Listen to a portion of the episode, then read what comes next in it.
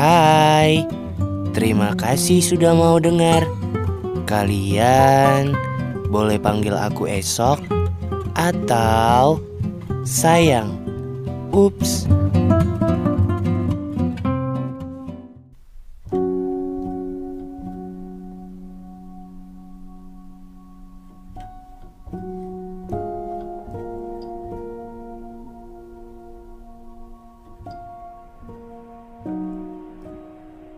Hai Niko Hai.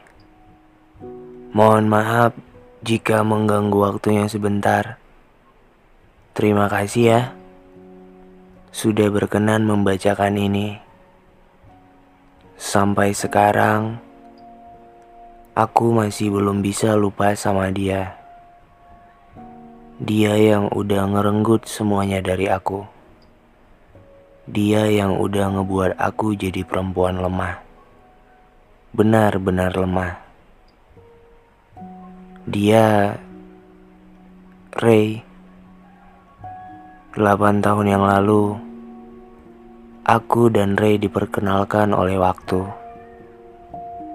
Tak sengaja bertemu di salah satu kafe dan akhirnya saling menyapa lewat sosial media. Dia yang kemudian membuatku nyaman, dan aku yang kemudian masuk dalam perangkap perasaan itu. Beberapa kali bertemu lagi, Ray mengajakku ke berbagai tempat yang belum pernah aku datangi sebelumnya. Sampai pada akhirnya, Ray menyatakan perasaannya. Ray bilang dia ingin jadi laki-laki yang selalu membuatku bahagia.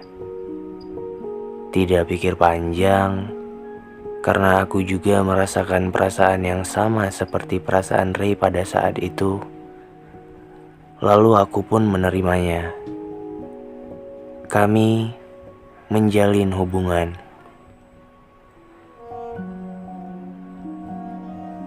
Ray benar dia bisa membuatku bahagia, membuatku menjadi cewek yang selalu memprioritaskan hubungan kami di atas segalanya. Tapi semua itu hanya berjalan setahun aja kok. Saat hubungan kami melewati angka setahun itu, Ray bukan Ray yang aku kenal bukan seperti Ray yang janji akan selalu membahagiakanku. Aku sama sekali tidak bisa merasakan Ray yang dulu lagi. Ray yang dulu ku kenal sebagai laki-laki penyayang, berubah jadi laki-laki aneh, kasar, bahkan sama sekali tidak menghargai kehadiranku lagi. Aku yang merasakan perubahan Ray awalnya justru berusaha untuk tidak memikirkan yang aneh-aneh.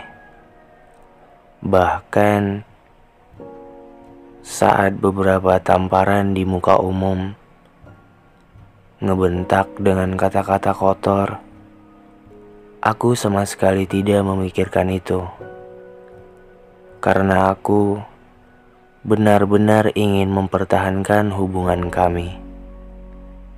Kalau cinta, ya jangan ditanya.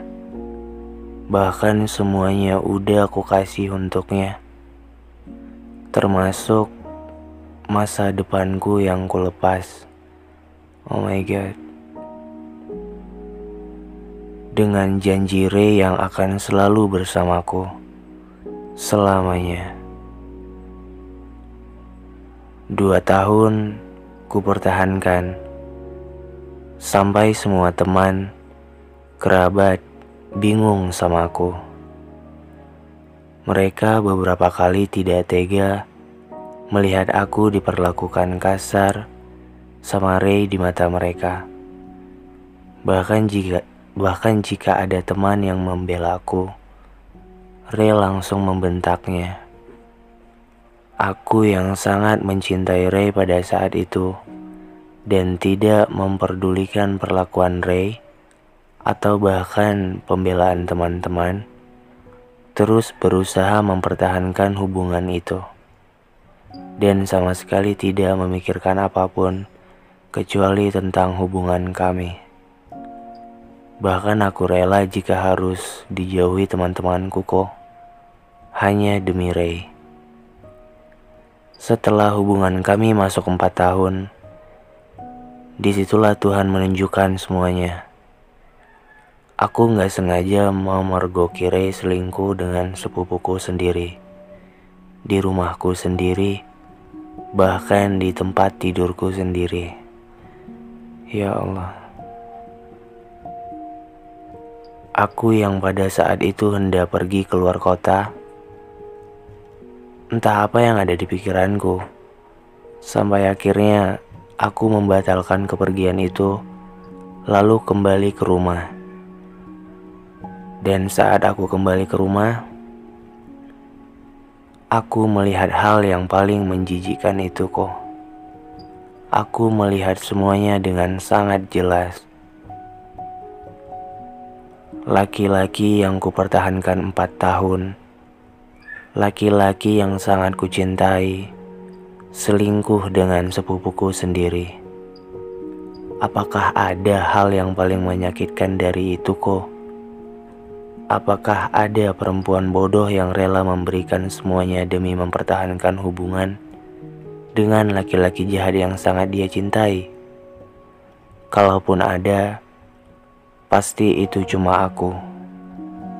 Akhirnya, semuanya berakhir.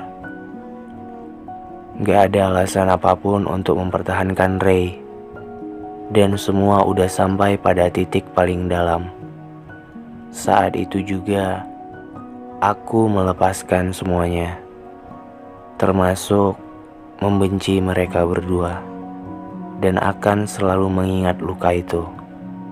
Luka yang sangat menjijikan. Setahun menjadi orang gila, bahkan beberapa kali ingin mengakhiri hidup, sampai aku ingat kalau hidup bukan cuma sedih aja.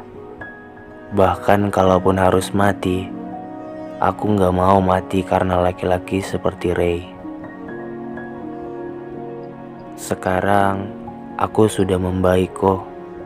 Aku udah berdamai dengan keadaan. Aku udah maafin semuanya. Tapi tetap aja aku belum bisa untuk berada di lingkungan itu lagi dan lebih memilih pindah ke kota yang baru. Sekarang, meskipun aku hidup sendirian, aku cukup senang bekerja, berlibur, melakukan apa pun demi menciptakan bahagiaku sendiri.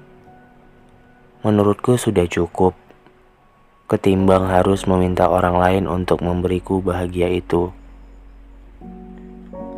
Aku sama sekali nggak tahu gimana kabarnya Ray sekarang. Tapi jika suatu saat nanti bertemu, semoga dia bisa lebih menghargai perasaan ya. Semoga dia bisa jadi laki-laki baik. Thanks ya ko. Thanks karena udah bacain cerita pilu ini. Salam dariku, Putri.